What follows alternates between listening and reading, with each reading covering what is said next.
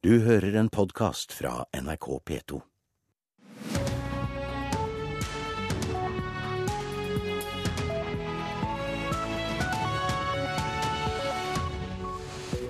Velkommen til Nyhetsmorgen fredag 26. juni. Dette er eh, hovedsaker. En mann er skutt av politiet etter en biljakt i Oppland. Han behandles nå på sykehus. En person er død etter en brann i et bolighus i Horten i natt. Flere av varslerne i Monica-saken i Hordaland politidistrikt skal nå få sine saker gransket. Og eh, det er økt beredskap for å unngå bråk under Hans Rotmos konsert i Steinkjer i kveld. Det er klart Vi har oppgradert noe sikkerhet, det er noe flere vektere, noe mer fokus på sikkerhet under akkurat den konserten. Svein Bjørge, sjef for Steinkjerfestivalen. Og Magnus Carlsen trenger ferie, så kommer han tilbake. Det sier sjakkekspert etter verdensmesterens elendige innsats i turneringen Norway Chess. Her i studio i dag, Øystein Heggen. En mann er skutt av politiet etter en biljakt på Roa i Oppland. Det skjedde etter at en bil med to personer stakk av fra politiet. Da politiet kom i kontakt med dem igjen, ble det skutt, sier påtalesjef i Vest-Oppland politidistrikt, Linn Hilde Fosso. På Skjell på Roa så ble politiet beskutt av personer i denne bilen, og politiet løsna da skudd. Skytinga skjedde på en bensinstasjon i natt, etter at to personer hadde stukket av fra politiet. Det ble skutt fra fluktbilen, og politiet skjøt tilbake. Begge mennene er arresterte, og den ene ble skadd i skuddvekslinga. Personen som ble skutt av politiet, er sendt til Ullevål sykehus. Eh, skadeomfanget er foreløpig ukjent. Spesialeininga for politisaker er kobla inn, og skal nå etterforske hendinga. Vi har eh, sperret av åstedet og varsla Spesialenheten som eh, foretar den videre etterforskningen. Og Politiet har jo da hatt tillatelse til å bære våpen siden november i fjor. Reporter var Marte Halsør. En mann og en kvinne er pågrepet etter å ha angrepet en drosjesjåfør i Sjoa i Oppland og kapret bilen hans. Etter to timer på rømmen kjørte de to av veien sør for Trondheim. Sjåføren har fortalt at de to prøvde å ta livet av ham, men at det ikke lyktes, og sjåføren slapp unna med skader i ansiktet. Da denne bilen nærmet seg Trondheim og politiet fikk øye på den, så la de seg på hjul, men klarte ikke å ta den igjen, forteller operasjonsleder Rune Brandmo ved Sør-Trøndelag politidistrikt. De, eh, den hadde så stor hastighet at vi klarte aldri å ta inn på den. Vi prøvde å holde øye på den. Eh, vi hadde klart for så vidt det over Hennarsmyra, men når den passerte eh, forbi Tonstadkrysset og ned Oksabakken, så hadde vi ikke eierkontakt med den. Men når vi da kommer over der, så ser vi at den har trilla rundt. Og har hatt såpass stor hastighet at den trilla rundt og havna i motsatt kjørebane. Hvordan var tilstanden på de to da, som vel fremdeles satt fastspent i bilen da patruljen deres kom til stedet?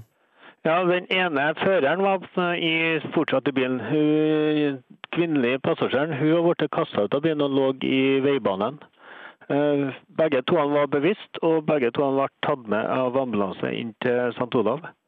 De er undersøkt der. Eh, ifølge medisinsk personell så er tilstanden stabil, og for så vidt lettere skadd. Operasjonsleder ved politiet Rune Brandmo til reporter Morten Karlsen. En person er død i en brann i Storgata i Horten i natt. Ti personer i nabobygget er evakuert pga. røykutvikling, og brannvesenet har nå klart å slokke denne brannen. Politiet ble varslet rett før klokka halv tre i natt, og da sto flammene ut fra andre etasje, forteller Per Andreassen i Vestfold-politiet.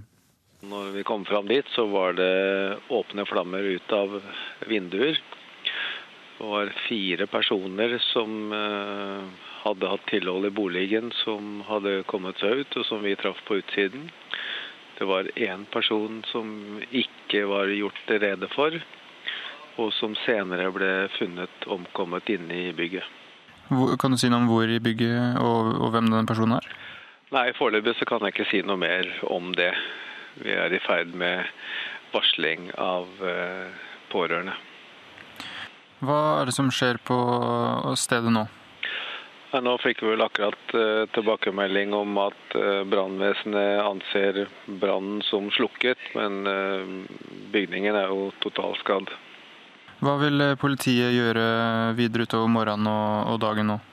Det er jo normal etterforskning både av teknisk og taktisk art, for å prøve å bringe brannårsaken på det rene. Per Andreassen fra politiet i Vestfold, og intervjuer var Vegard Lilleås.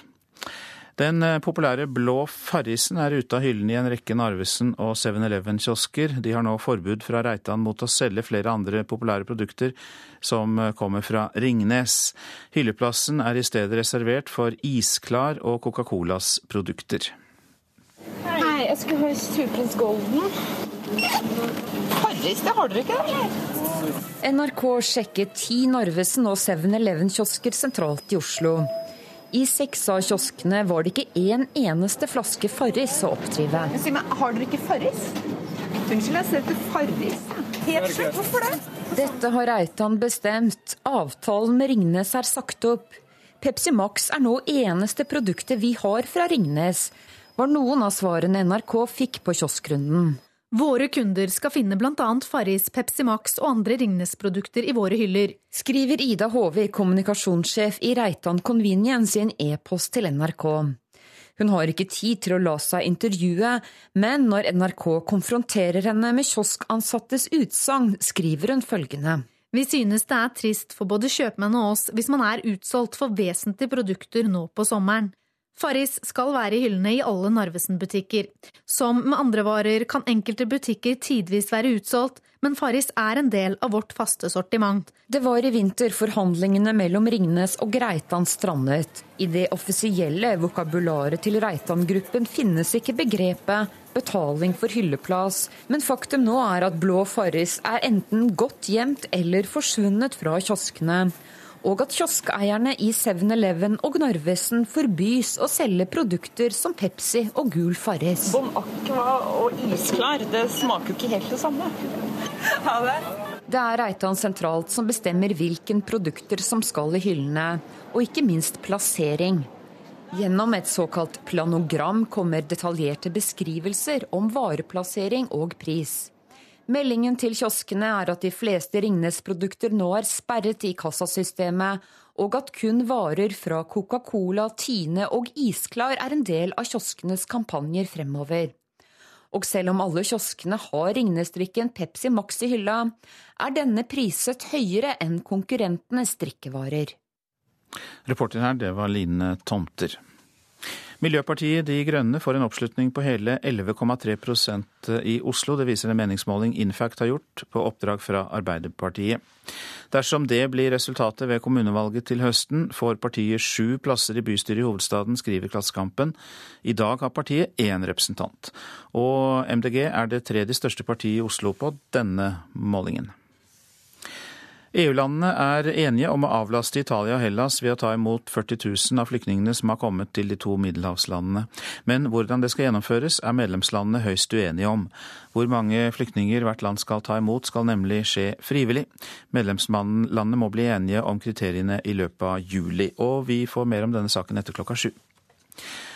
Justisdepartementet skal nå granske sakene til de tre andre varslerne i Monica-saken. I går fikk varsleren Robin Schäfer full støtte av advokatfirmaet som har gransket Hordaland politidistrikts håndtering av varslerne. Men de tre andre har ennå ikke fått sine saker realitetsbehandlet, og det skal nå endres på, sier advokat Toril Vik, som representerer alle varslerne. Slik jeg forstår det, så vil jeg også ta inn de øvrige varslingssakene som ennå ikke er realitetsbehandla. Og de ordene fra advokat Toril Vik er nok det lokallagsleder i Politiets Fellesforbund i Hordaland, Kjetil Rekdal, ønsker å høre. For nå er det på tide at alle sakene blir avklart, mener han. Vi ønsker å få fakta på bordet. Vi ønsker å få avklart sakene. Eh, og Sånn sett så har vi fått en del avklaringer, men fremdeles så er det ikke avklart det endelig de øvrige sakene. Det ene varselet har vi ferdigbehandla fra vår side. Det sier fungerende politimester i Hordaland, Jon Reidar Nilsen. Saken er påklaga til Justisdepartementet. Eh, og vi avventer Justisdepartementets nærmere behandling av saken. Saken det snakkes om er varselet til politiadvokat Liv Gjertsen. I oktober leverte hun sammen med Line Schengen et 200 siders langt brev, der de varsla om kritikkverdige forhold i ledelsen i Hordaland politidistrikt. Siden ble Liv Gjertsen omplassert av den samme lederen hun varsla om. Den saken granskes altså allerede av Justisdepartementet, og at det samme nå skjer med alle varslerne sine saker saker er viktig, sier Kjetil Rekdal. Det, det, er klart at det har vært en ekstrem belastning for de som har vært varslere i den, de sakene her. Det er det ennå. Fremdeles er folk som er sykemeldt. Og, og det er en kjempebelastning. Det er da det er viktig å få fakta på bordet. Reporter var Henrik Agledal. Og Vi fortsetter med samme tema i presserunden. Politimesteren forsterket varslerens sykdom, skriver nemlig Bergens Tidende om Monica-rapporten, som er en knusende dom for Hordaland politidistrikt. Gang på gang ble altså Robin Schäfer sykemeldt som følge av at han varslet om feil i Monica-saken. Og politimester Geir Gudmundsen forsterket varslerens sykdom, slår granskningsrapporten fast, den som advokatfirmaet Wiersholm har laget. La oljejobbene ryke, bare hver tredje ansatt blir igjen i oljebransjen. Det er brannfakkelen fra milliardær Jens Ultveit Moe i VG i dag. Oljekrisen er ikke midlertidig, sier Ultveit Moe, som er skuffet over Arbeiderpartiet og Jonas Gahr Støre, fordi de er enig med LO i at arbeidsplassene skal beskyttes, ifølge Ultveit Moe. Oljeingeniører må jobbe i barnehage, hver tredje oljerigg skrotes. Det er stikkord fra Dagens Næringsliv. For analytikere i Nordea ser ingen bedring for de hardt prøvede riggselskapene. Hun lager Oslos nye landbrukspolitikk, skriver Nasjonen om Venstres byråd for miljø og samferdsel, Guri Melby. Hun skal legge fram hovedstadens første landbruksmelding til høsten, og visjonen er en grønn storby der landbruket spiller en aktiv rolle, sier Melby. Mobilnettet overvåkes av fremmede makter og kriminelle. Aftenposten viser til en hemmelig rapport som slår fast at det foregår ulovlig mobilovervåkning i Norge, men at teleselskapene mangler utstyr og rutiner for å avsløre det. Bibelen for kvinner omtales i Vårt Land. Forlaget Herman, som tidligere har fått kritikk for sin bibel rettet mot jenter, gir nå ut Guds ord for kvinner. Teolog og forfatter Jorunn Øklands første reaksjon var 'hjelpe meg', men etter at hun har lest om Bibelens kvinneskikkelser eh, som løftes fram, så sier hun at eh, Bibelen er en god idé, men ikke helt vellykket gjennomført, denne kvinnebibelen altså. Dagbladet forteller at det er enorme forskjeller mellom de ulike pensjonsordningene, og ber oss om å tenke pensjon tidlig i livet, selv om de unge fortsatt er mest opptatt av lønn og lang ferie. Barn får Paracet for å konkurrere, kan vi lese i Adresseavisen. For å lindre smerte og likevel være med å konkurrere, får barn helt ned i tolvårsalderen smertestillende for å holde ut.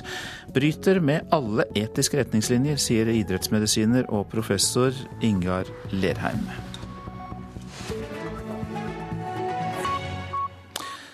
Magnus Carlsen han kommer tilbake, men først trenger han ferie. Det sier stormester og sjakkommentator Yasser Serevan etter Carlsens elendige innsats i Norway Chess i går. Serevan vil ikke være med på at dette er starten på verdensmesterens fall. No, no, I would definitely not go that far. I would say that in a different way, that now Magnus has Magnus har isteden gitt seg selv en unik utfordring, sier den amerikanske stormesteren. Han må nå komme tilbake i den neste turneringen i august i det som kalles sjakkens mesterliga. Der må han gjøre sin livsturnering og klatre tilbake på rankingen. Yasser Serewan sier at det er selvtilliten som lider ved et slikt tap. Det beste for Carlsen nå er å dra på ferie og ikke forsøke på et umiddelbart comeback. Bare slappe helt av. Go on a holiday, get all of the stress out of your mind, and, and not fiercely uh, trying to make an instant comeback, but just relax. Det var kompisen Jon Ludvig Hammer som knuste verdensmesteren i det siste partiet i Stavanger. Han kan ikke forklare hvorfor Carlsen mislyktes. Eh, det er bare han selv som vet eh, hva som gikk gærent nå. Eh, hvordan dette er forskjellig fra Shamkir-turneringen, som han vant helt overregent for bare noen måneder siden. Og da blir det på en måte hans jobb å finne ut av det. og jeg er helt sikker på at han kommer sterkere tilbake i, i neste turnering. Reporter her var Anne Rognerud. Dette er Nyhetsmorgen, og klokka går fram mot 6.45. Dette er hovedsaker. En mann er skutt av politiet etter en biljakt i Oppland. Han behandles nå på sykehus. En person er død etter en brann i et bolighus i Horten i natt. Blå, Farris og Pepsi er ute av hyllene i mange Narvesen og 7-Eleven-kiosker. Det bekrefter mange kioskansatte. Forhandlingene mellom produsenten Ringnes og kioskeier Reitan brøt sammen i vinter. Tvark, Twitterati, Foshizzle. Ja, lurer du på hva det er, så må du fortsette med det litt til. Vi skal fortelle det litt seinere i sendinga. I dag er den internasjonale dagen for de som har overlevd tortur. Amnesty i Norge har undersøkt folks holdninger til tortur, og finner at så godt som alle er imot det. Jon Peder Egenes, god morgen. God morgen. Du er generalsekretær i Amnesty, og det er vel ikke spesielt overraskende at vi nordmenn er mot tortur? Nei, det er det ikke. Eh, heldigvis. Eh, det har vært undersøkelser om dette gjennom mange år og, og med jevne mellomrom, og det viser at det er veldig, en veldig sterk holdning i Norge mot tortur. Eh, og den tåler hva skal jeg si, påkjenninger, i den forstand at den tåler litt mer nesten spekulative spørsmål. Og, og, og, vi så jo i forbindelse med massemordene og terrorangrepet i 2011 at, at det norske demokratiet eh, og rettssikkerheten tåler selv så grufulle handlinger. Men eh, er det tilfeller der nordmenn er villige til å bruke tortur hvis de presses hardt i spørsmålsstillingen? Ja, først vil jeg måtte si at det er, det er altså nesten 80% av nordmenn som sier tortur er aldri akseptabelt. Eh, og når man blir stilt et spørsmål som liksom, er det akseptabelt i noen tilfelle, og da tenker man fort på dette såkalte tikkende bombesituasjonen eller noe sånt som folk har hørt om, så er det altså ca. 20% som sier at ja, kanskje det er det. Men, men når folk blir stilt det spørsmålet, så, så er det jo ikke dette noe man går rundt og tenker på at 80 80 da sier umiddelbart nei, det fins ingen situasjoner, så vi skal fokusere på de 80% og ikke nødvendigvis på de 20 andre. For min erfaring er at når man virkelig diskuterer dette med folk, som jeg gjør en hel del når jeg er rundt og holder foredrag osv., så, videre, så så tror jeg at de 20 minsker igjen. Eh, fordi man ser for seg at um, dette vil være sånn helt spesielle situasjoner hvor man er helt sikker på at man har den skyldige osv. Og, så uh, og man kommer til å få informasjon som redder mange liv. Men, men det er jo et svært hypotetisk spørsmål. og man får diskutert det med folk, så, så skjønner de fleste at hvis man i det hele tatt åpner for tortur, eh, så er man ute i en veldig veldig bratt og glatt nedoverbakke, som vi f.eks. har sett i, i, forbindelse med USA etter 11.9.2001. Eh, og da de åpnet opp for tortur, så vet vi altså at det er veldig mange uskyldige mennesker som har blitt torturert eh, i såkalt for å beskytte menneskers sikkerhet. Er eh, norsk eh, politikk også da i samsvar med disse holdningene, syns du, nasjonalt og internasjonalt? Ja, absolutt. Altså, Norge er jo en, eh, et foregangsland i kampen mot tortur internasjonalt. Så har vi dette tilbakevendende problemet som blir påpekt igjen og igjen. Dette med at vi, vi har kanskje en litt for hva skal jeg si, liberal omgang med isolasjon i varetekt, som, som flere eksperter sier i hvert fall grenser opp mot tortur. Og jeg tror Norge skal nå virkelig se på det for å ta det skritt ut av det siste skal vi si, tvilsomme eh, praksisen vi har. Men det er også interessant å se da, at den norske befolkningen stoler veldig på politiet. altså Over 90% sier at dersom de blir arrestert, tror de ikke de ville blitt utsatt for tortur eller mishandling. Eh, og Det skal jo politiet også ta til seg som en slags ros i en tid hvor de får veldig mye kritikk i mange sammenhenger. At, at eh, nordmenn flest stoler på at de blir behandlet skikkelig dersom de skulle komme i den situasjonen situasjonen at de ble, at de ble arrestert. og Det er jo også et, et slags en slags kapital å forvalte i dette samfunnet, som, som, nok også er med på å holde den sterke holdningen mot tortur levende. Er denne respekten for menneskerettighetene så eh, langt fremskreden at vi nærmest kan parkere den? Overhodet ikke. Eh, vi, vi, ser jo i samfunn vi for øvrig kan sammenligne oss med, at gitt visse situasjoner så, så kan disse prinsippene ryke. Eh, vi har tålt en, en vanvittig test i, i, 2011, og det skal vi være enormt stolte av. Og, men vi må hele tiden holde denne diskusjonen levende, fordi det er viktig å holde disse prinsippene høyt i hevd. Mange takk skal du ha. Jon Peder Egenes, generalsekretær i eh, Amnesty Norge. USAs høyesterett nå fordi vil enten i dag eller senest i neste uke beslutte om homofile og lesbiske par skal ha rett til å inngå ekteskap i samtlige delstater. Beslutningen kan også få økonomiske konsekvenser for religiøse institusjoner som forbyr homofil praksis. USA-konsponent Gro Holm sier at holdningen har endret seg raskt i USA. Ja, Det har jo skjedd en enorm utvikling på noen få år. Ved inngangen til 2012 eh, så var faktisk likekjønnede ekteskap forbudt i over 40 av de 50 statene. Og I dag er det altså slik at lesbiske og homofile kan gifte seg i 37 stater, altså et ganske stort flertall. Så er det 13 stater hvor det fortsatt er forbudt, og mange av dem har da eh, lover som faktisk forbyr homofile ekteskap. Og mange av disse statene er i sør. En del av dem er også i områder med stort innslag av evangelske kristne, slik som bl.a. i Nord- og Sør-Dakota, som også har mange nordmenn og skandinaver. Men når det er så store forskjeller, hvor sannsynlig er det at Høyesterett vil pålegge alle stater å innføre rett til homofile og lesbiske ekteskap? Det er ganske sannsynlig. Høyesterett har jo ni dommere, og det er særlig én dommer som står på vippen, så det er ikke gitt at det blir flertall. Men eh, de homofile og lesbiske organisasjoner er ganske optimistiske nå. Eh, og det har jo vært en bevisst strategi fra deres organisasjoner å forsøke å å påvirke Høyesterett, slik at man ikke må ta kampen i alle de 50 delstatene, men eh, kan vinne det endelige slaget gjennom kampen om å si, sjelen til dommerne i Høyesterett. Ok, I så fall, da, hvis det skjer, hvilke konsekvenser vil det få for religiøse institusjoner som er mot alle former for eh, homofil praksis? Ja, De er engstelige for at det skal gå som det gikk med de skolene som hadde forbud mot eh, blandingsekteskap og blande forhold altså rasemessig i 1983. De mistet skattefritakene sine. Og, og de er redd for at det skal komme en lignende beslutning om at de som ikke tillater eh, dating, og at par f.eks. får leve sammen på internat, par av samme kjønn, at de mister sine skattefordeler. Nå er det vel slik at Synet på homofile og lesbiske ekteskap eh, har endret seg raskt i USA. Hvorfor har det skjedd? Jeg tror det har mye sammenheng med at eh, deres organisasjoner har vært drevet av veldig flinke folk. Det har vært mange eh, kjente mennesker som har stått fram som homofile og lesbiske. Eh, og ikke bare da liberale og demokrater, men etter hvert også flere og flere eh, konservative. Så, og det har blitt knyttet opp til menneskerettigheter og til grunnlovsbaserte rettigheter. hvor det argumentet da har vært at hvordan kan eh, USAs domstoler nekte eh, noen deres grunnlovsbestemte rettigheter bare pga. seksuell legning.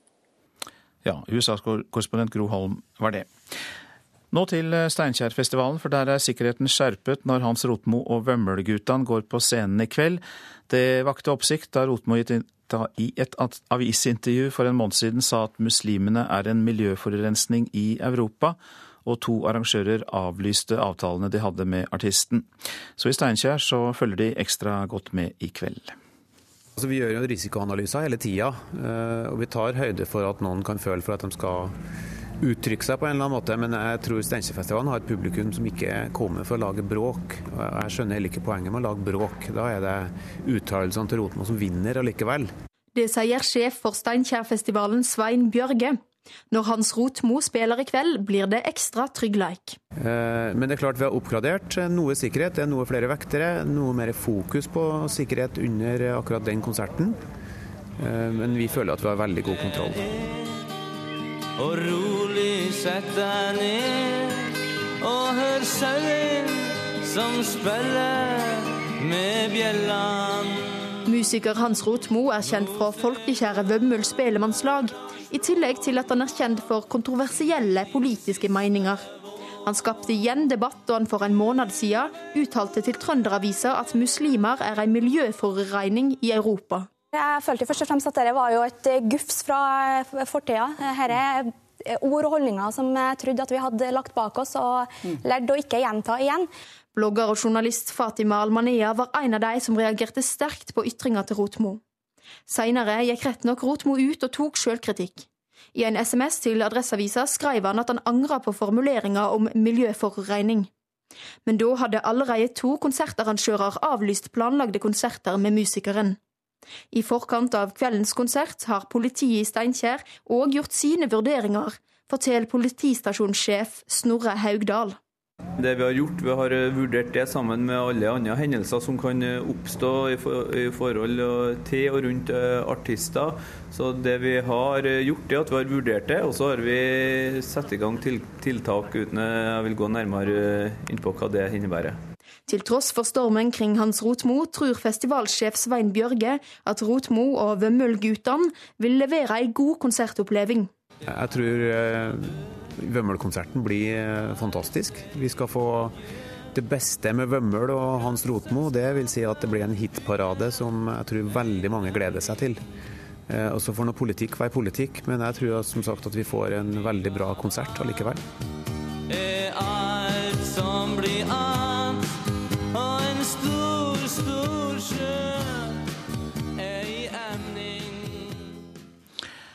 NRKs reporter har vært i kontakt med Hans Rotmo, som ikke ønsker å kommentere saken.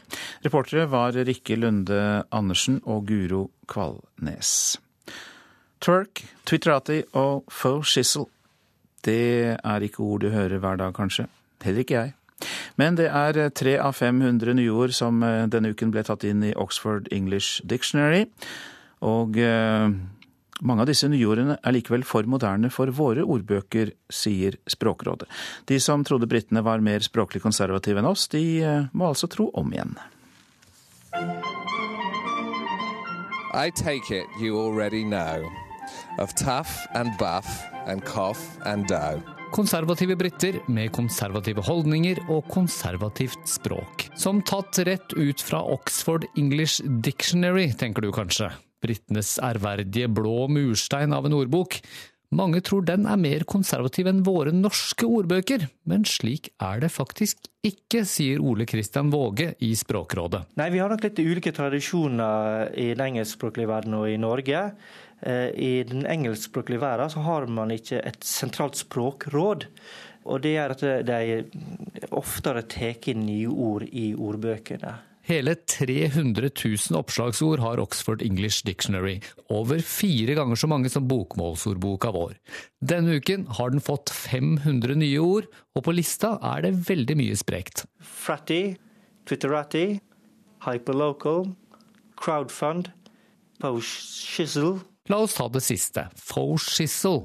Dette uttrykket er artisten Snoop Doggs måte å si for sure, eller sikkert og visst.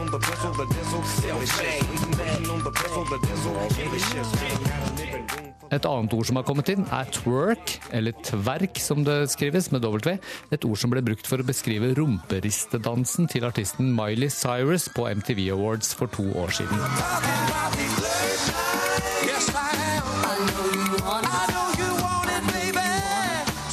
Men det fins også litt mer vanlige nyord på Oxford Dictionaries liste. Ta f.eks. e-sigarett, eller e-cigarette. Klart britene må ha det, men den norske ordboka? Nei. Hvorfor ikke, spurte jeg Språkrådets ekspert. Ja, Det er fordi at vi eh, ordbokforfatterne venter en stund for å, se om ordet slår rot i norsk språk. Eh, de vil unngå å ta inn språklige døgnfluer, rett og slett. Men e-sigarett er vel kommet for å bli, tenker man, eller hvor lang tid bruker man på å bestemme seg for det? Ja, Det er ikke noe eksplisitt kriterium for det, eh, og det er vanskelig å, å, å si på førehånd. Det kan være et fenomen som forsvinner ganske fort. E-sigarett er jo ikke lov å importere til Norge, f.eks. I hvert fall ikke ennå. Så eh, det kan være gode grunner til å vente med å ta inn et ord i ei ordbok. Og den reportasjen var laget av Petter Sommer. Værvarselet. Fjellet i Sør-Norge skiftende bris. Enkelte regnbyger i nordøst eh, først på dagen, ellers opphold og lange perioder med sol. Østlandet og Telemark ser vi samlet, og det blir spredte regnbyger nord for Hamar, ellers oppholdsvær og lange perioder med sol. I Telemark blir det tilskyende utover dagen, riktignok. Agder får stort sett pent vær, fra seint i kveld litt regn sør i Vest-Agder. Rogaland og Hordaland oppholdsvær og perioder med sol. Fra i ettermiddag tilskyende og etter hvert litt regn lengst sør i Rogaland. Sogn og Fjordane får oppholdsvær, etter hvert perioder med sol. Møre og Romsdal litt regn nord i fylket, ellers opphold. Fra i ettermiddag opphold og lettere skydekke igjen. Trøndelag enkelte regnbyger og oppholdsvær. Nordland og Troms enkelte regnbyger, fra i ettermiddag stort sett opphold og litt sol. Finnmark på kysten i øst nordvestlig periodevis liten kuling først på dagen, enkelte regnbyger, fra i kveld opphold. Nordensjøland på Spitsbergen får det meste oppholdsvær og litt sol. Og, temper og eh, temperaturene som eh, ble samlet inn klokka fem. Svalbard fem, Kirkenes og Varde åtte, Alta og Tromsø sju, Bodø åtte, Brønnøysund ni, Trondheim og Molde ti, Bergen, Stavanger og Kristiansand åtte. Gardermoen ni, Lillehammer åtte, Røros seks og Oslo-Blindern ti. Du hører en podkast fra NRK P2. Dette er Nyhetsmorgen. Generalsekretær i Dysleksi Norge, Karoline Solem, er invitert hit for å kommentere det vi hørte i Dagsnytt nettopp, at barnehagelærere advarer mot massekartlegging av alle treåringenes språk. Minst 300 nordmenn får føflekkreft i sommer, og venter du for lenge med å sjekke deg, kan det allerede være for sent. EU-landene er sterkt uenige om hvordan de skal håndtere flyktningekrisen. Militærjuntaen i Myanmar tviholder på sin vetorett, så det kan blokkere fredsprisvinner Aung San Suu Kyis muligheter til å bli landets president. Ja, barnehagelærere mener altså at de kaster bort tid på unødvendig kartlegging. I Oslo planlegges eh, språklig kartlegging av alle barn i treårsalderen. Det er sløsing med ressurser og strider mot faglige vurderinger, mener altså barnehagelærerne. Hva skal vi nå, Leon?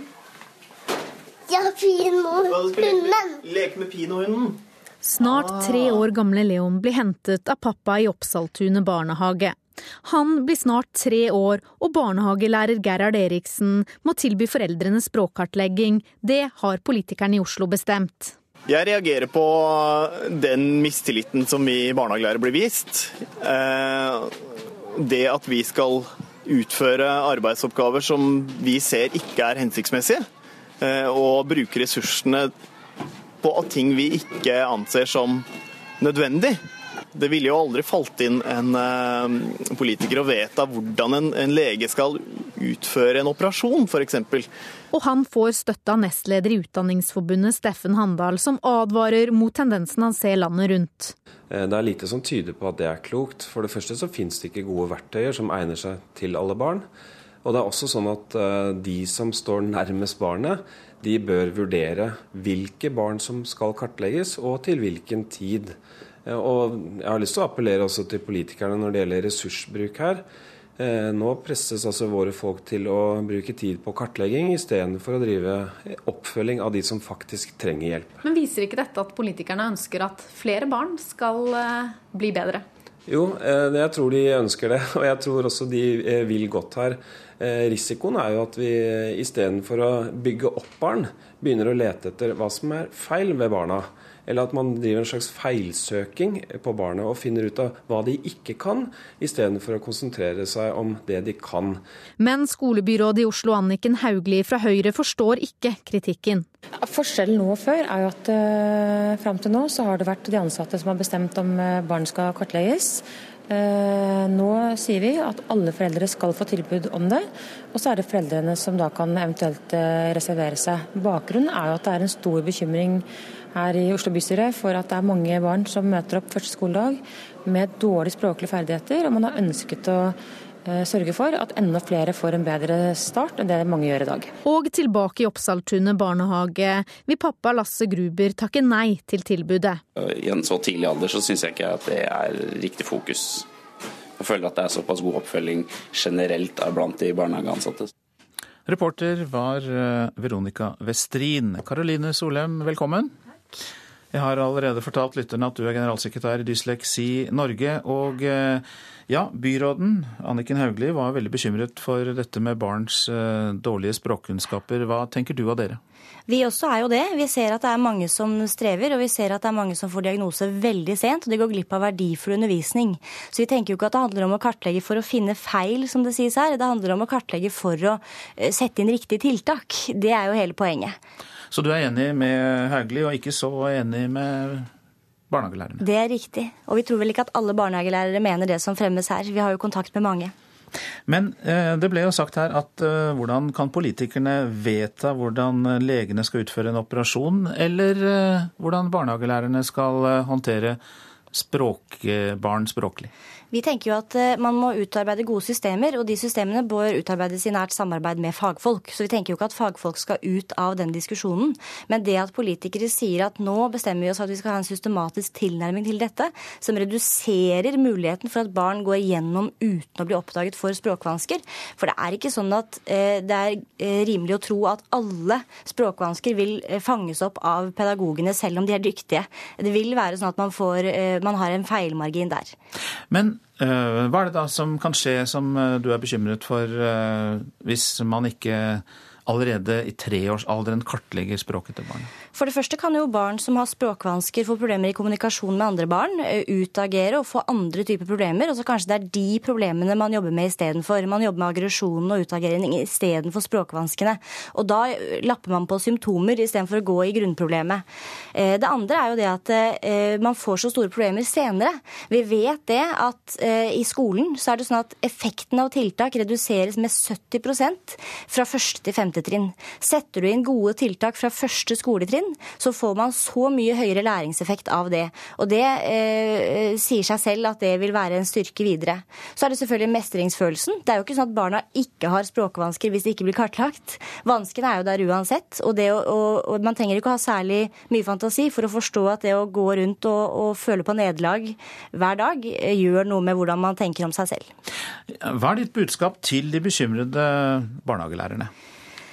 Hvis man ikke finner feil, så, så, er det fint. Men hvis man finner feil, så er det kjempeviktig at man tar tak i det. Eh, og vi har, vi har ikke mistillit til pedagogene.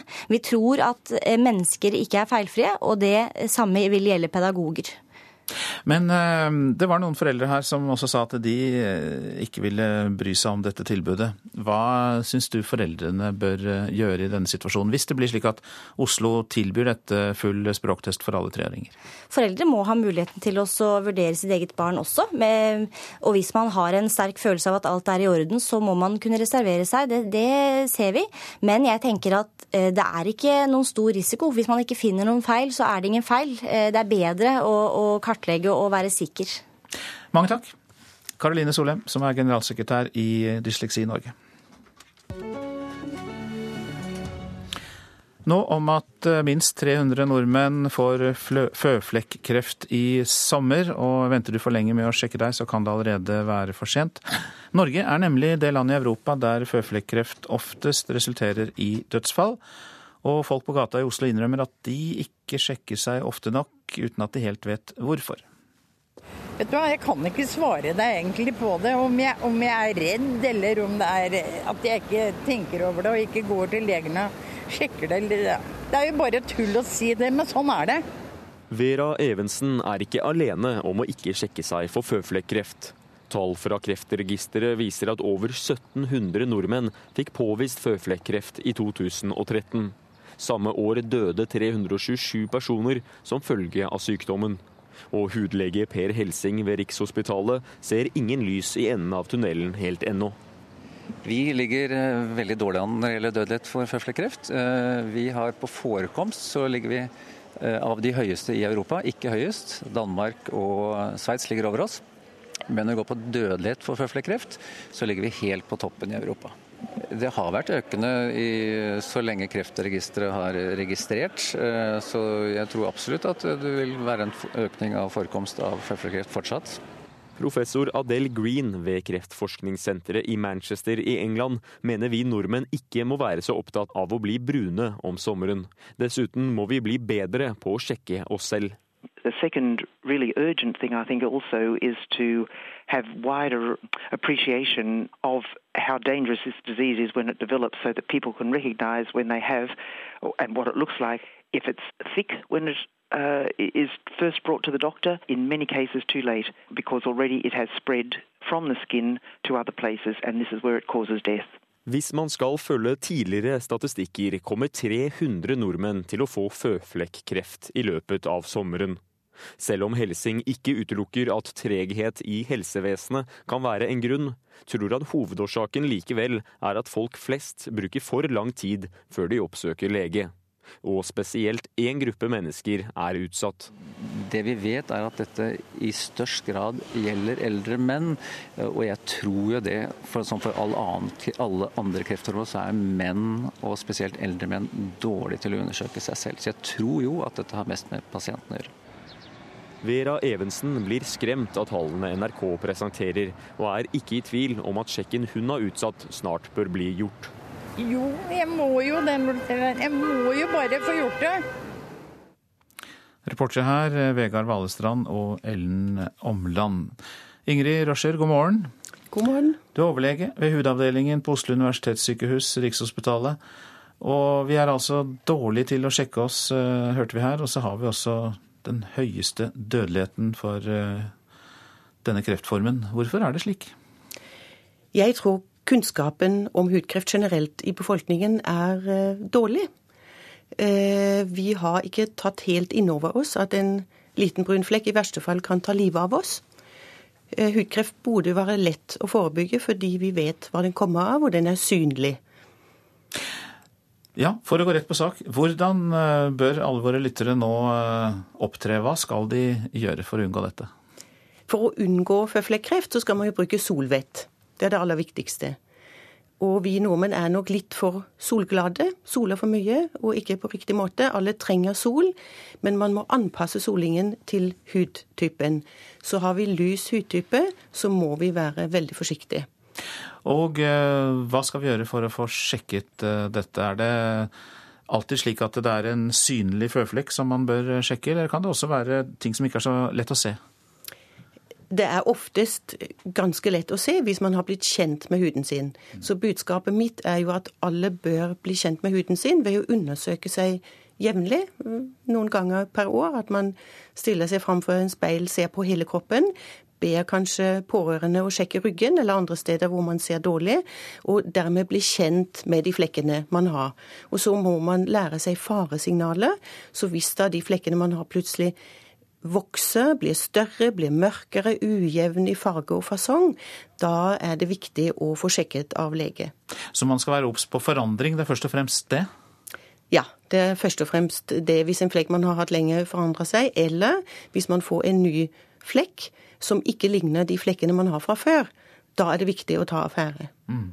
Er det noen bestemte steder på kroppen hvor man skal være obs, eller det, kan det oppstå hvor som helst? Det kan oppstå hvor som helst. Det er mest på ø, overkroppen på menn og bein, legg på kvinner. Men det kan komme hvor som helst.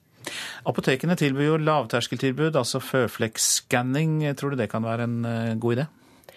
Det er ikke det jeg anbefaler. Altså Alle føflekkreft som blir funnet tidlig, er positivt. Så hvis man har legeskrekk, så kan det kanskje være en idé å ta, gjøre det istedenfor ikke gjøre noe. Men det jeg anbefaler, er jo at man ber fastlegen å sjekke, fordi fastlegen sjekker hele kroppen. Og det vi ser, er jo iblant at personen selv peker ut én flekk man er urolig for, og så er det faktisk føflekkreft på et annet sted på kroppen. Så man burde få hele kroppen undersøkt.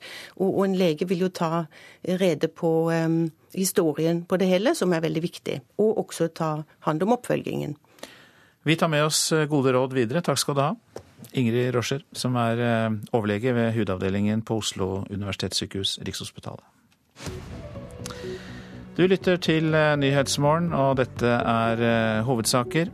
Vi har hørt at barnehagelærerne advarer mot massekartlegging av alle treåringenes språk, men generalsekretæren i Dysleksi Norge, Caroline Solheim, sier at hun støtter dette tiltaket i Oslo. Minst 300 nordmenn får føflekkreft i sommer, og vi bør ikke vente for lenge med å sjekke oss. Det hørte vi nettopp. Og vi skal høre at militærjuntaen i Myanmar tviholder på sin vetorett, og det kan blokkere Aung San Suu Kyis muligheter til å bli landets president.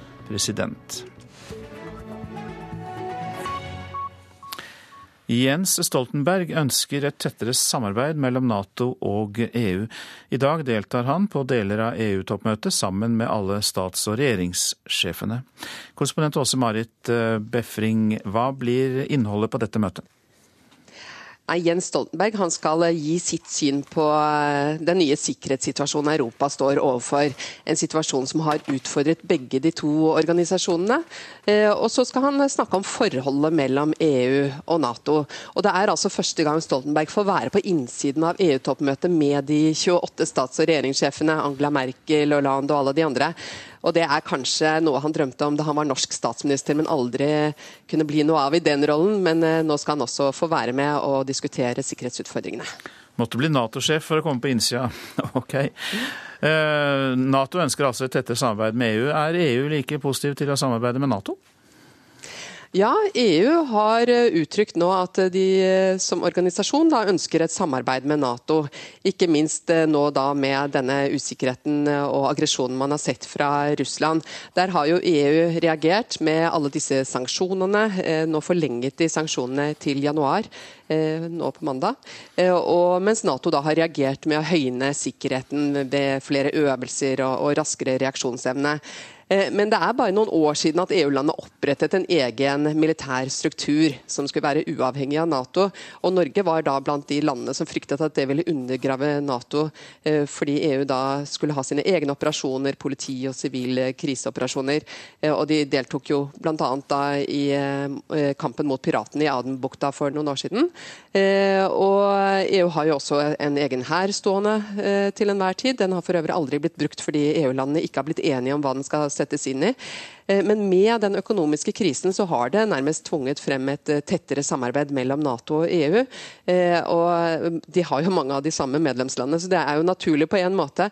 Og man sørger jo nå for at landet er mer effektive i innkjøp. Annet så samarbeider EU-landene innen forskning og forskning, forsvarsindustri. Og det er viktig for Nato fordi det har som hovedformål å utnytte ressursene bedre etter år med forsvarskutt i mange land. Ja, Du peker jo på en rekke punkter der hvor det kan være aktuelt med samarbeid. Eh, kan du også trekke fram det punktet eller de punktene der utfordringene blir størst? Ja, det er klart at uh, Tettere samarbeid er en utfordring for de landene som ikke er med i EU og Nato. F.eks. Nato-landet Tyrkia er ikke med i EU, og EU-landet Kypros er ikke med i Nato. Uh, og Det har jo bremset også mulighetene her, uh, har man sett. Også, men på den andre siden da, så ser man at hvis man samarbeider tettere, så unngår man rivalisering. I Adenbukta så var jo det både en EU-operasjon, men det var også en Nato-operasjon. Og Det betyr at eh, noen EU-land som også var med i EU, eh, Nato, måtte velge om de skulle være med i Nato-operasjonen eller EU-operasjonen. Norge deltok for øvrig da i EU-operasjonen for å slå ned på piratvirksomheten. Mange takk for at du opplyste oss om dette, korrespondent eh, Åse Marit Befring. Og vi skal fortsatt snakke om EU, for landet landene der er nemlig eh, enige om å ta imot 40 000 flyktninger fra Italia og Hellas i løpet av to år. Men det er stor uenighet om hvordan det skal foregå. Utenriksmedarbeider Jan Espen Kruse, du er kommet til oss her i Nyhetsmorgen, og hva går denne krangelen ut på? Ja, Den går først og fremst ut på om det skal være bindende kvoter for eh, hvert land for hvor mange flyktninger hvert enkelt land skal ta imot, eller om det skal være frivillig, altså opp til hvert enkelt land om de kan velge hvor mange de vil ta imot. Eh, og dette punktet er jo uhyre viktig, fordi eh, altså, de må være uenige innen utgangen av juli, landene, om hvordan dette skal foregå. Og det kommer altså til å bli en kontinuerlig krangel helt fram til utgangen av juli om dette her. Og i bakgrunnen så spøker jo dette tallet altså e, mer enn 100 000 flyktninger som har krysset Middelhavet bare hittil i år. Førte dette til en sånn markert uenighet og skikkelig krangel i Brussel i natt? Ja, det er ingen overdrivelse. Altså, Diskusjonen pågikk til klokka halv tre i natt. Og det sier vel lite grann. Eh, særlig var det Italias statsminister Matteo Renzi som han eh, viste Han klarte ikke å beherske seg. Han var rett og slett rasende fordi det var såpass stor motstand blant eh, en enkelte land mot å ta imot eh, flyktninger. Eh, og han eh, sa eh, f.eks at om det er dette dere mener med Europa, så kan dere beholde hele greiene. Og han sa også 'vis solidaritet', eller så kan dere slutte med å kaste bort tida mi. Eh, og det er uvanlig kost eh, i EU-diplomatiet. Det ble også brukt ord som hykleri eh, langt ut på natta i natt. Takk for den oppdateringen, Jan Espen Kruse, som er utenriksmedarbeideren vår på desken denne morgenen. Nå til Myanmar. Der beholder militærjuntaen sin vetorett over alle endringer i landets grunnlov. Det betyr at eh, veien er enda lenger fram for Aung San Suu Kyi som for å bli landets fremtidige president, uansett da hvor godt partiet hennes gjør det i valget. ဒါကြောင့်လွှတ်တော်ရဲ့အဆုံးဖြတ်ရယူပါမှာထိုင်နေကြပါပြီခင်ဗျာ Juntaens 166 parlamentarikere var ikke til å rikke. I det nybygde parlamentet i hovedstaden Naipitau sørget en uvanlig, hemmelig votering i går for at en oppmykning i hvordan Grunnloven skal endres, ble nedstemt.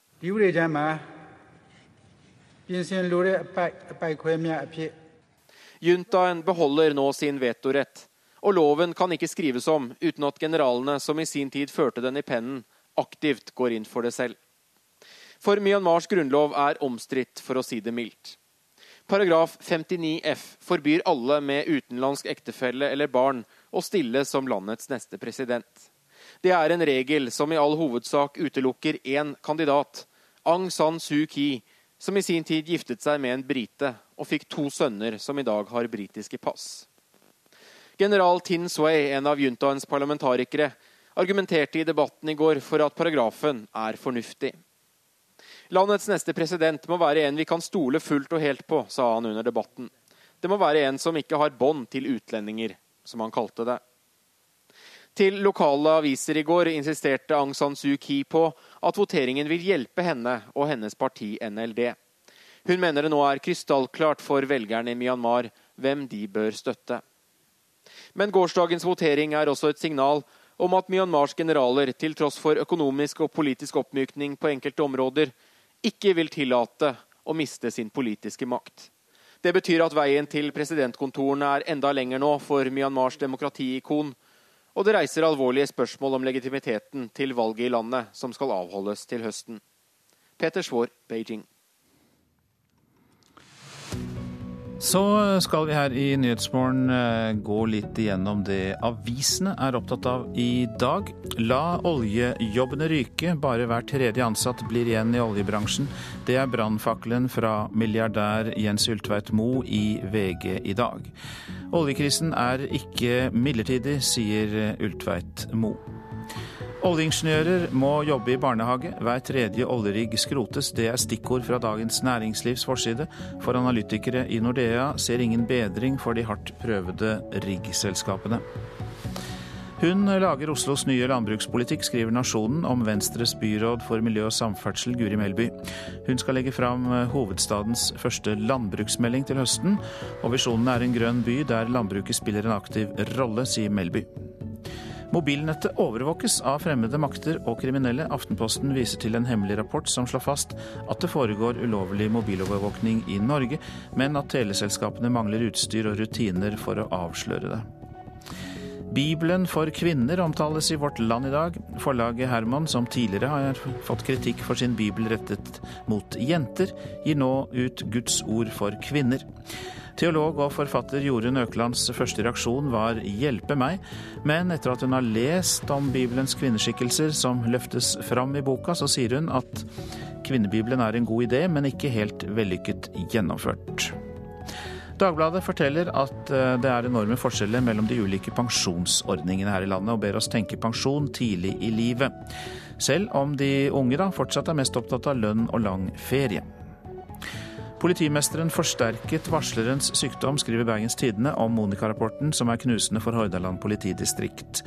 Gang på gang ble Robin Schäfer sykemeldt som følge av at han varslet om feil i Monica-saken, og politimester Geir Gudmundsen forsterket varslerens sykdom, slår granskingsrapporten fra advokatfirmaet Wiersholm fast. Barn får Paracet for å konkurrere, kan vi lese om i Adresseavisen. For å lindre smerte og likevel være med å konkurrere, så får barn helt ned i 12-årsalderen smertestillende for å holde ut. Bryter med alle etiske retningslinjer, sier idrettsmedisiner og professor Ingar Lerheim. Så til Rwanda her i Nyhetsmorgen, der landets president i går gikk til verbal krig mot Storbritannia.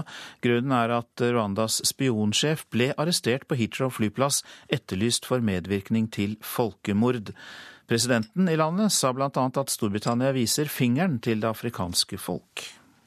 It is a continuation of slavery, of colonialism, and telling the African, wagging a finger at them and saying, Historien gjentar seg. Dette er fortsettelsen av slaveriet, av kolonialismen, sa en forbannet president Karame i går, etter at Rwandas spionsjef ble fengslet etterlyst for folkemord og hevndrap under massakrene for 20 år siden. I går ble han framstilt for en lokal domstol i London, og utenfor var tusener av rwandere møtt fram for å støtte den fengslede.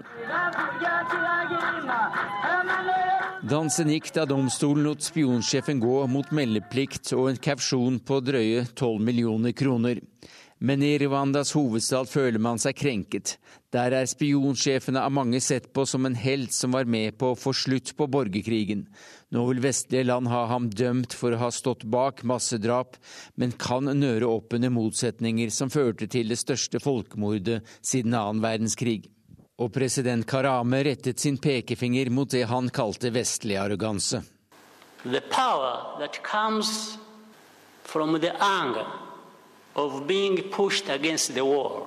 Vesten viser oss fingeren, vi har ikke mye våpen slik vestlige land har, men vi har den krenkedes kraft, sa den distingverte presidenten med Tony Blair som personlig rådgiver.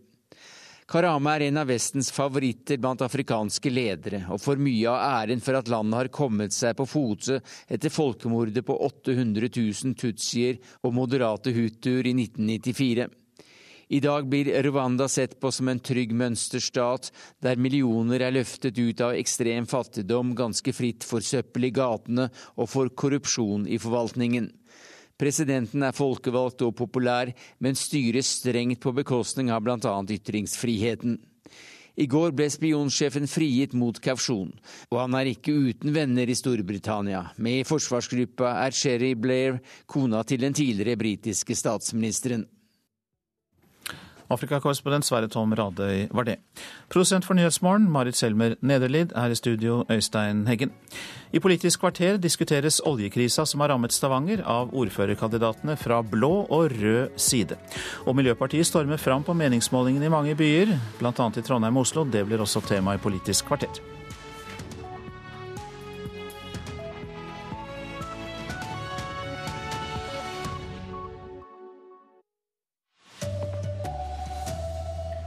Barnehagelærere mener de kaster bort tid på unødvendig kartlegging av barn. Pepsi og flere typer Farris er ute av hyllene hos Narvesen. Reitan forbyr kioskene å selge dem. Og 300 nordmenn får føflekkreft i sommer. En tidlig tur til legen kan redde liv, sier ekspert. Her er NRK Dagsnytt klokka 7.30. Barnehagelærere mener de kaster bort tid på unødvendig kartlegging.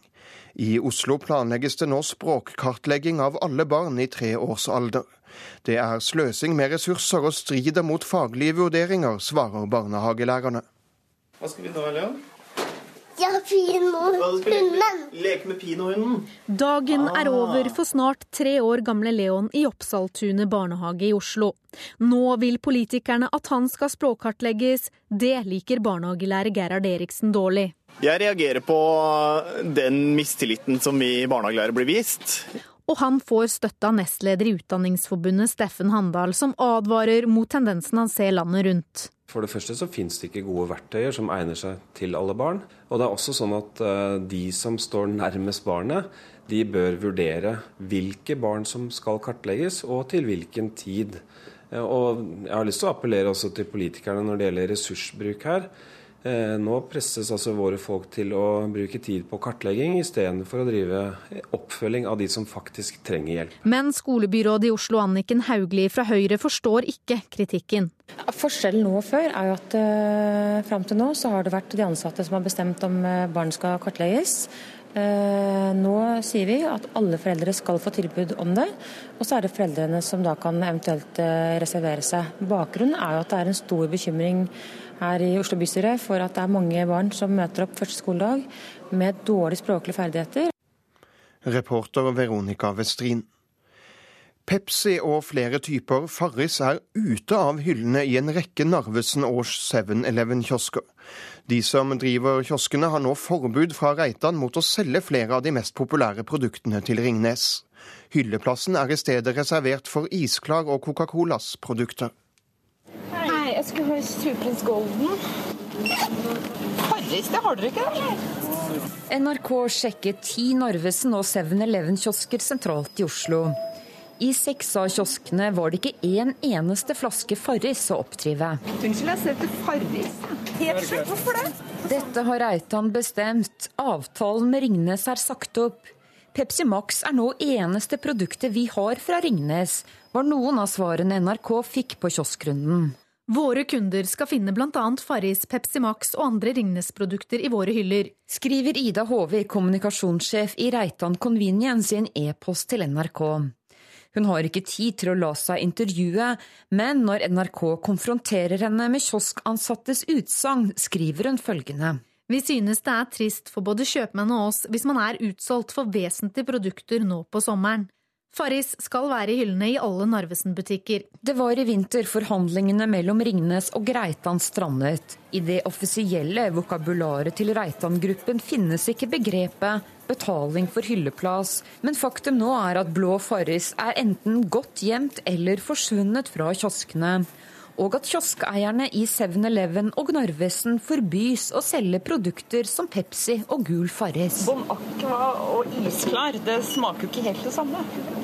Ha det. Og reporter, det var Line Tomter. En mann er skutt av politiet i en biljakt på Roa i Oppland. En bil med to personer stakk av fra politiet, og da politiet tok dem igjen, ble det skutt, sier påtalesjef i Vest-Oppland politidistrikt, Linn Hilde Fosso. På Skjell på Roa så ble politiet beskutt av personen i denne bilen, og politiet løsna da skudd. På asfalten utenfor bensinstasjonen ligger våpenet og flere hylser som ble brukte i skuddvekslinga. To personer hadde stukket av fra politiet, og det ble skutt fra fluktbilen da politiet prøvde å ta kontakt. Deretter skjøt politiet tilbake. Begge mennene er arresterte, og den ene ble skadd i skuddvekslinga. Personen som ble skutt av politiet er sendt til Ullevål sykehus. Eh, Skadeomfanget er foreløpig ukjent. Spesialeininga for politisaker er kobla inn, og skal nå etterforske hendinga. Vi har eh, sperret av åstedet og varsla Spesialenheten som eh, foretar den videre etterforskningen i saken. Politiet har hatt tillatelse til å bære våpen siden november i fjor. Reporter Marte Halsør. EU-landene er enige om å avlaste Italia og Hellas ved å ta imot 40 000 av flyktningene som har kommet til de to middelhavslandene. Men medlemslandene er sterkt uenige om hvordan dette skal løses, og krangelen gikk høylytt til halv tre i natt. Foreløpig er planen uklar, men landene må bli enige i løpet av juli. Minst 300 nordmenn kommer til å få føflekkreft i sommer, og venter du for lenge med å sjekke deg, kan det allerede være for sent.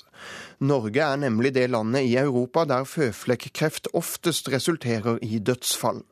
Og folk på gata i Oslo innrømmer at de ikke sjekker seg ofte nok, uten at de helt vet hvorfor. Vet du hva, Jeg kan ikke svare deg egentlig på det, om jeg, om jeg er redd eller om det er at jeg ikke tenker over det og ikke går til legen og sjekker det. Eller, det er jo bare tull å si det, men sånn er det.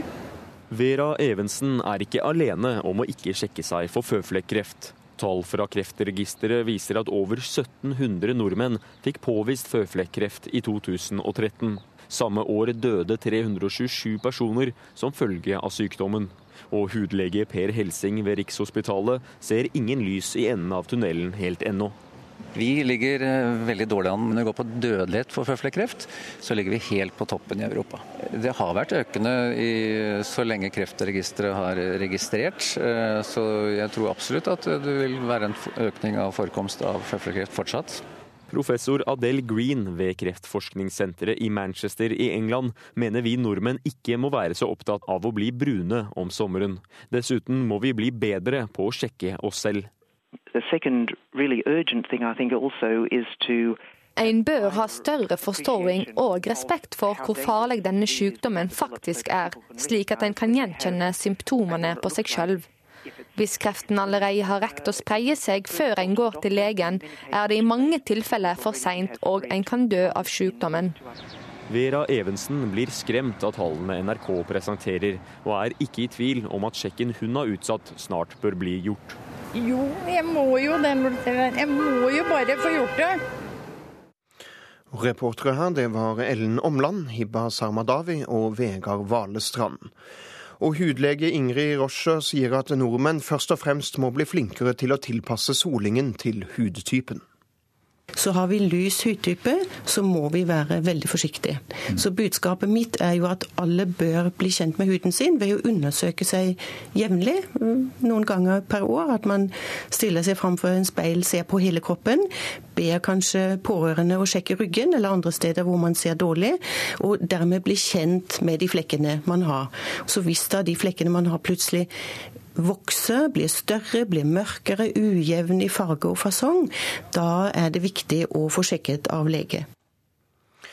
Magnus Carlsen kommer tilbake, men først trenger han en ferie. Det sier stormester og sjakkommentator Yasser Seiravan etter Carlsens elendige innsats i Norway Chess i går. Seiravan vil ikke være med på at dette er starten på verdensmesterens fall. No, no, I would definitely not go that far. I would say that in a different way, that now Magnus has uh, Magnus har isteden gitt seg selv en unik utfordring, sier den amerikanske stormesteren. Han må nå komme tilbake i den neste turneringen i august i det som kalles sjakkens mesterliga. Der må han gjøre sin livsturnering og klatre tilbake på rankingen. Yasser Serewan sier at det er selvtilliten som lider ved et slikt tap. Det beste for Carlsen nå er å dra på ferie og ikke forsøke på et umiddelbart comeback. Bare slappe helt av. Fiercely, uh, comeback,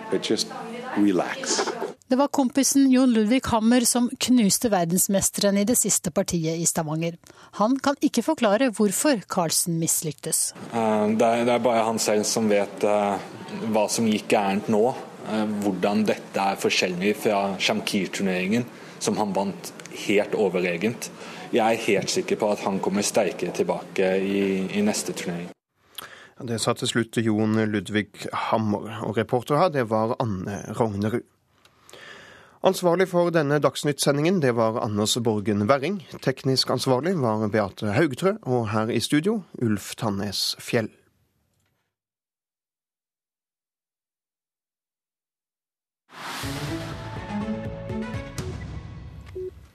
Ja, du lytter til eh, Nyhetsmorgen. Vi eh, hører ikke så mye om det i nyhetene lenger, men ebolaviruset fortsetter å ta liv i Vest-Afrika. Liberia ble erklært fritt for ebola i forrige måned, men nabolandene Sierra Leone og Guinea fortsetter å slite med å stanse den dødelige sykdommen. Flere enn 11 000 mennesker har dødd etter at epidemien brøt ut for vel et år siden. Wenche Eriksen har laget denne reportasjen.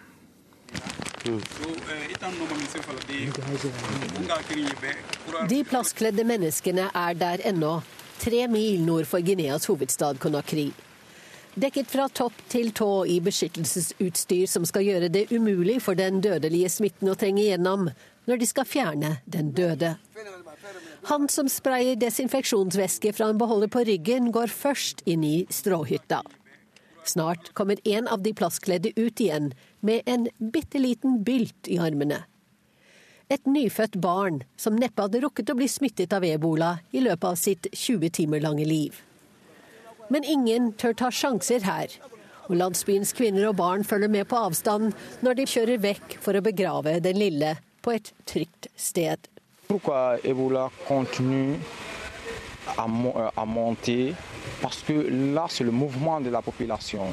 Ebola er på frammarsj igjen i Guinea fordi folk flytter på seg. Sykdommen kom f.eks. til landsbyen Dembaya med en som flyttet dit fra et annet sted, sier lege Amadou Talib til nyhetsbyrået Ap. Mennesker som kommer i kontakt med ebola, men som ikke er registrert. Så drar de til en annen landsby. Først da får de symptomer, og så smitter de andre. I nabolandet Sierra Leones hovedstad Freetown var de sikre på at de hadde slått ebola tilbake. De hadde til og med stengt alle karantenesentrene. Det var jo ikke meldt om et eneste nytt tilfelle av sykdommen på flere uker. Men denne uken ble tre mennesker syke av det dødelige viruset i Freetown. Og myndighetene frykter flere tilfeller fordi de syke bodde i et tett befolket slumområde med dårlige sanitære forhold. Seks andre mennesker er smittet nord i landet denne uken. Tilbake i Guinea, 40 mil øst for hovedstaden, står tungt bevæpnet politivakt. En diger pengebunke, sedler til en verdi av flere hundre tusen dollar, står stablet opp på et bord. Det er lønningsdag for 300 av dem som jobber i frontlinjen for å stanse ebolaepidemien. FNs utviklingsfond vet hvor viktig det er å beholde disse folkene. Men ingen vet hvor lenge ebolalagene må stå i jobben.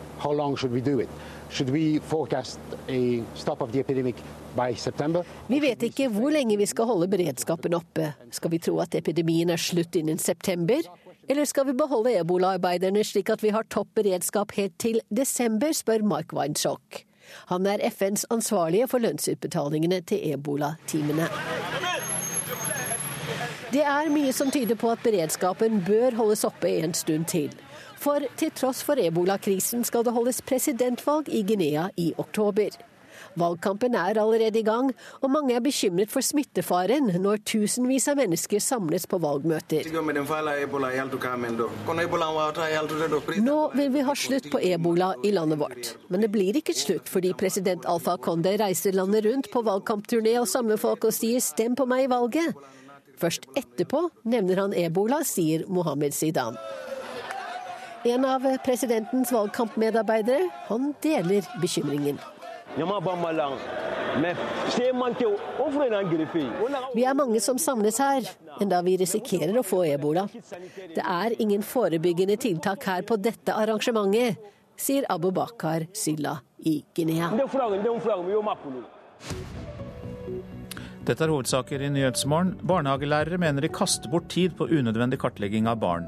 Men Foreningen Dysleksi Norge støtter Oslo kommune, som vil kartlegge språket til alle treåringer i hovedstadens barnehager. Pepsi og flere typer Farris er ute av hyllene hos Narvesen. Reitan forbyr kioskene å selge dem. Det er brudd i forhandlingene mellom produsenten Ringnes og Reitan. 300 nordmenn kan få føflekkreft i sommer. En tidlig sjekk av føflekkene hos legen kan redde liv, sier hudleger.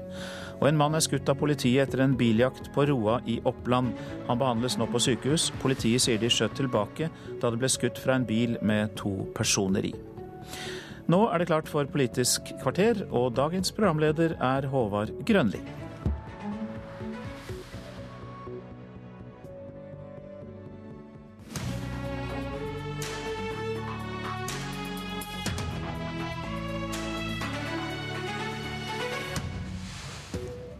Kan Arbeiderpartiet og Frp komme til å vippe Høyre av trona sammen i Stavanger?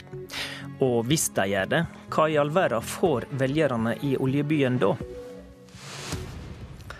I Politisk kvarter skal vi til krisebyen, som VG har døpt Stavanger denne veka. Vi skal også snakke med Miljøpartiet De Grønne, som er i sitt livs form. I studio i Stavanger har Politisk kvarter samla ordførerkandidatene for Høyre, Arbeiderpartiet og Frp. God morgen, alle tre. God morgen. Fra Stavanger. Den mest tabloide formuleringa i media denne veka er om Stavanger. Blodet flyter i gatene, sa hotellkongen Petter Stordalen da han skildra krisa for næringslivet i byen. Det var jo ikke måte på. Kristine Sagen Helgø fra Høyre, du er sittende ordfører og vil gjerne fortsette som det. Stavanger by og Stavanger kommune har jo levd høyt på gode tider. Nå er det krise og sparetid. Hva er ditt program for å få byen gjennom de tidene som skal komme nå?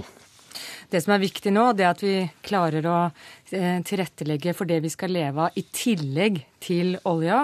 At vi klarer å skape 10 000 arbeidsplasser mot 2020. Eh, det er det aller viktigste, at vi har det målet, og at vi klarer å gjennomføre de gode tiltakene som, eh, som vi har lansert her lokalt. Kristian Wedler, ordførerkandidat fra Frp. Hvor godt budd mener du Stavanger er på en ny situasjon? Stavanger er dessverre ikke så godt eh, forberedt eh, på dette som vi burde ha vært. I de gode tidene med over 140 eh, skatteinngang, så har ikke kommunen vært så flinke til å være forberedt på vanskelige tider. Og det er vanskelige tider nå. Flere av våre naboer og venner har mistet jobbene sine, og de opplever jo selvfølgelig en personlig krise. Men byen som sådan er ikke i en krise. Vi er i en krevende situasjon. Jeg har vært og sjekket eh, de aller fleste gatene nylig, og det renner ingen blod. Det var da, det var da godt, det. Helgø, Helge, en, en, klok politiker eh, setter jo av litt i gode tider, sånn at en har til dårlige tider. Som vedleder inne på her, har du egentlig forberedt byen din godt nok på tøffere tider? Nå, nå, er det jo sånn at Oljebransjen er syklisk, og vi har vært innom eh, dårlige tider før. Eh, vi hadde faktisk eh, en god slump med penger på disposisjonsfondet til Stavanger kommune før vi gikk inn i denne situasjonen før 2014. 140 millioner, eh, for å være litt eh, nøyaktig. Så du mener du har en buffer som gjør ja, at I tillegg så er det veldig viktig å understreke at eh, Stavanger kommune har en solid økonomi. Vi har lav gjeld i forhold til andre kommuner vi kan sammenligne oss med. Så vi har har et veldig godt utgangspunkt for den omstillingen vi skal inn i. Og så må vi huske det, at Stavanger kommune faktisk har nesten 140% av gjennomsnittlige skatteinntekter i forhold til de andre kommunene i Norge. Så vi har et veldig godt utgangspunkt. Vi har hatt en høy vekst i mange år, og nå flater vi ut. Og den omstillingen, den skal vi klare i Stavanger kommune. Vi har et veldig bra utgangspunkt for å få til det. Men Helge, det blir kutt i skolebudsjett, økt eiendomsskatt og økt vedlikeholdsetterslep med deg nå? Ja, altså det er klart at eh, vi må, eh, vi må redusere kostnadene våre, fordi vi har høyere eh, kostnader enn vi har inntekter akkurat nå. Og da må vi, må vi redusere, redusere, kostnadene. Men vi har brukt veldig mye penger òg, både på skole, barnehage, til investeringer. Sånn at vi ligger veldig høyt i forhold til andre kommuner vi kan sammenligne oss med. Cecilie Bjelland, Arbeiderpartiets ordførerkandidat kritiske røyster mener det ikke er så stor forskjell på Ap og Høyre i Stavanger. Budsjettoppleggene du og Høyre har lagt fram er vel ikke veldig ulike. Hva er egentlig den store forskjellen? Jeg tror vi akkurat nå ser eh, den største forskjellen på hva som skjer i eh, alvorlige tider som Stavanger nå går igjennom. Istedenfor det vi ser eh, Høyre og for så vidt eh, regjeringen sin politikk er, som er å vente og se. La oss se hva som skjer, la oss ha konferanser, la oss snakke sammen. Men heller ikke ta noen aktive tiltak. Så ønsker Arbeiderpartiet å gå inn og gjøre tiltak nå for å dempe dempe den utviklingen som vi ser på arbeidsledighet. Hva slags tiltak da? Nei, I går lanserte vi en fempunktsplan for Stavanger. og jeg kan kanskje bare si om at En av de viktigste punktene jeg har lyst til å trekke fram her, det er dette med en nasjonal investeringspakke. Stavanger kommune står med hundrevis av prosjekter klar til å investere, klar til å skape nye arbeidsplasser, hvis vi har pengene til det. Og vi så at et av de mest vellykkede grepene som ble gjort i forbindelse med finanskrisen, det var en rød-grønn regjering som gikk tidlig på banen, som la, la fram 20 milliarder kroner for å kunne få arbeidsplasser på plass. Og vi mener at nå er tidspunktet klart for at vi har en regjering som må komme med en investeringspakke til kommunene, sånn at vi kan starte oppussing av sykehjem og skolebygg, men òg starte den omstillingen av de dyktige oljefolkene vi har til andre sektorer. Nasjonal hjelp, med andre ord. Mens du, Vedler, du har jo ifølge Stavanger Aftenblad sagt at Siv Jensen ikke sender mer penger enn vi tåler å få. Ja, altså det som er veldig viktig når eh, vi er i den krevende situasjonen som vi er i, det er at vi som kommune er villig til å ta de kuttene som kommunen må ta. Og Stavanger kommune har lagt seg til eh, en del rike uh, uvaner. Og at vi har uh, en, del for mange ansatte i administrasjon og stab. Og den situasjonen vi er inne i nå, der må altså kommunen være villig til å omstille seg selv. Og får vi mer penger enn det kommunen klarer å tåle, så blir ikke det omstilling. I en måling i Stavanger Aftenblad i går så har ditt partivedler Frp en ønskeposisjon. For verken Høyre-sentrum-samarbeidet eller Aps røde kamerater har flertall. Begge sider trenger derfor Frp for å kapre makta. Og det er ikke gitt at Frp vil samarbeide med Høyre, for i Stavanger så har dere faktisk åpna for å samarbeide med Ap. Hvor aktuelt er det egentlig? For det første så er det veldig viktig, og det så vi nettopp i den debatten, at mellom eh, Høyre og Arbeiderpartiet i Stavanger så er det ikke så stor eh, forskjell. Ehm, vi har eh, i Fremskrittspartiet sagt at vi ønsker å få makt etter valget. Denne byen trenger gode Frp-løsninger. Da tror vi nok at det vil nok være lettere å få det til sammen med et lyseblått Høyre enn et mørkeblått Arbeiderpartiet. Men Sandnes viser at man har fått det til. Uh, og det uh, gjør at uh, vi er veldig fornøyd med den situasjonen Fremskrittspartiet har fått. Og en stemme til Fremskrittspartiet vil garantert gi ganske god uttelling etter valget. Cecilie Beland, kan Arbeiderpartiet faktisk tenke seg å ta makta i Stavanger ved å gi politiske innrømmelser til Frp? Vi sier det samme i år som det vi sa i 2011. og det er at Vi er åpne for å samarbeide med alle partier. Det som er viktig for oss, det er å få gjennomslag for Arbeiderpartiets politikk. Men når det er sagt, så må jeg si at det er spennende tider i Stavanger akkurat nå. For hvis du kikker på siste måling, så vil du se om at eh, i realiteten ligger Høyre og Arbeiderpartiet fast, som ser ut som alle tar for gitt. Så eh, kan du si at det er syv partier som akkurat nå mener at de står i en vippeposisjon. Og det gjør at hver eneste stemme i Stavanger teller. At Det blir et av de mest spennende valgene på lenge. Vi ser jo samtidig at Eh, den men, konstellasjonen som har vært i Sandnes. Da, men du er da åpen for å gå inn i en sånn konstellasjon? Jeg er åpen for alle konstellasjoner som kan gi muligheter for god arbeiderpartipolitikk. Og vi ser, vi ser jo en ting i Sandnes, og det er jo at Eh, det samarbeidet som har vært mellom Fremskrittspartiet og eh, Arbeiderpartiet i Sandnes, vil nå gi full sykehjemsdekning i 2016. Det er en sak som har vært viktig for Arbeiderpartiet her i Stavanger. Vi ønsker full sykehjemsdekning. Vi ønsker to barnehageopptak i året. Vi ønsker en sterk næringslivspolitikk. Får vi gjennomslag for den type eh, politiske saker, så er det klart at vi vil samarbeide og se på muligheter til samarbeid med alle. Men dere er vel ikke akkurat enige om eiendomsskatt f.eks., Vedler? Nei, altså utfordringen eh, og det som skiller oss fra Sandnes, er jo at Sandnes eh, har jo klart seg så godt eh, til tross for at ikke de har hatt like mye skattingatt som Stavanger, og ikke har eiendomsskatt. I Stavanger så har vi eiendomsskatt. Og for et ekte Frp-hjerte så er eiendomsskatt en vederstyggelighet. Det det er en dårlig medisin som denne kommunen har lagt seg til uvane å kreve inn fra innbyggerne. Helge Øteslitt, hvordan ser du på å møte en eventuell rød-blå allianse? Nei, Jeg håper jo lytterne eh, hører at Arbeiderpartiet faktisk ønsker å samarbeide med, med Frp i, i Stavanger. Eh, og, og, så har jeg lyst til å si at for, for Høyre sin del så er, det, eh, så er vi eh, veldig opptatt av at vi skal få til et, eh, et bredest mulig borgerlig flertall i, eh, i Stavanger. Takk til dere tre.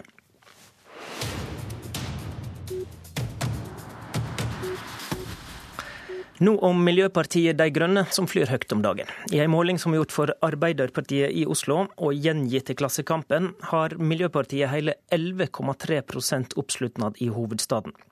En meningsmåling i Adresseavisa for en uke siden viste at de har 8,7% i Trondheim og er blitt dobbelt så store som SV. Dermed er varaordførerposten i Trondheim innen rekkevidde. Politisk kvarter har snakka med førstekandidat Hilde Opoku, som er på reise i Afrika. Vi spurte henne hvordan hun vil bruke en slik maktposisjon som partiet ligger an til i Trondheim. Målet vårt er å få så mye gjennomslag for grønn politikk som mulig. Og Det krever selvfølgelig oppslutning i befolkninga, men eh, vi vil selvfølgelig også bruke en mulighet som det kan gi, til å komme i posisjoner hvor vi kan få større synlighet for det grønne prosjektet, og også større gjennomslag.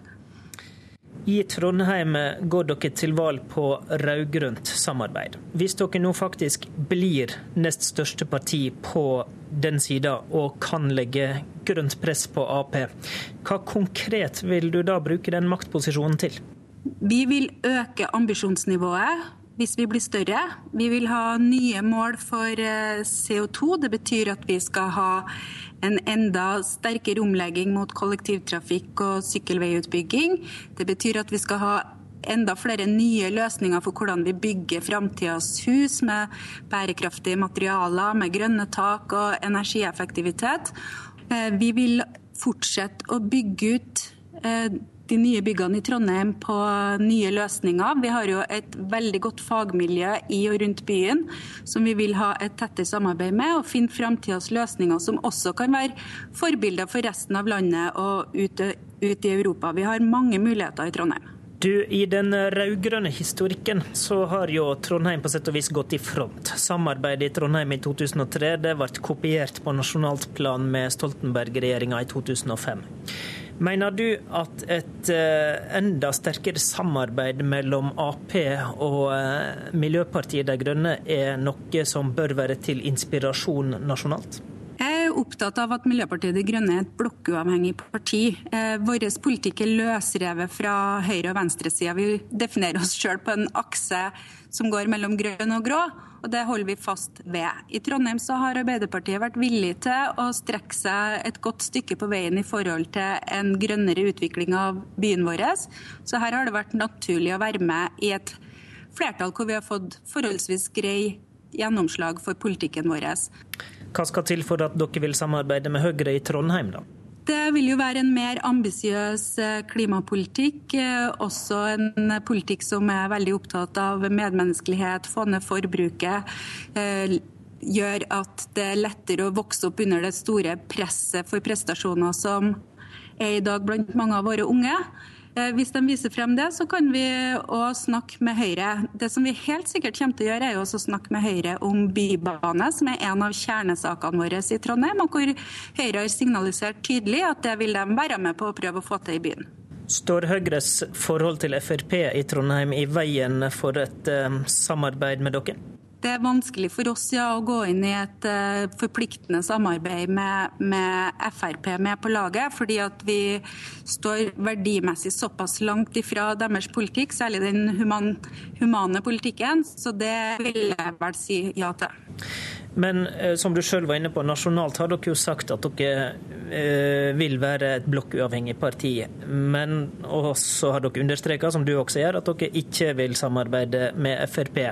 Men hvis det blir vanskelig også å samarbeide med Høyre, fordi de eh, samarbeider med Frp, er ikke du da i ferd med å innskrenke handlingsrommet til et blokkuavhengig parti? Det er jo flere partier i den norske partifloraen, og vi kan jo se for oss andre konstellasjoner enn dem vi har vært vant med fremover. I Trondheim så er jo KrF med i den rød-grønne alliansen, og det var jo kanskje forholdsvis utenkelig for en del år siden, så det kan godt hende at eh, andre typer partikonstellasjoner finner sammen i andre byer fremover enn det vi har, eh, har sett til nå. Og Da kan vi klare å få til flertall som eh, ikke nødvendigvis inkluderer Fremskrittspartiet. Hva i partiprogrammet ditt er du uenig i? Hvordan skal jeg svare på dette? Ja, Det spørsmålet er det Høyres byrådslederkandidat i Oslo, Stian Berge Røsland, som sliter med å svare på. Du kan høre resten av svaret på mandag. Da starter vi serien Politisk sommerintervju, der vi møter kandidater til kommunevalget i høst. Politisk kvarter som én programpost tar pause fram til 3. august, men du får politisk stoff og sommerintervju i Nyhetsmorgen hver dag 7.45. Programleder i dag, Håvard Grønli. Du har hørt en podkast fra NRK P2.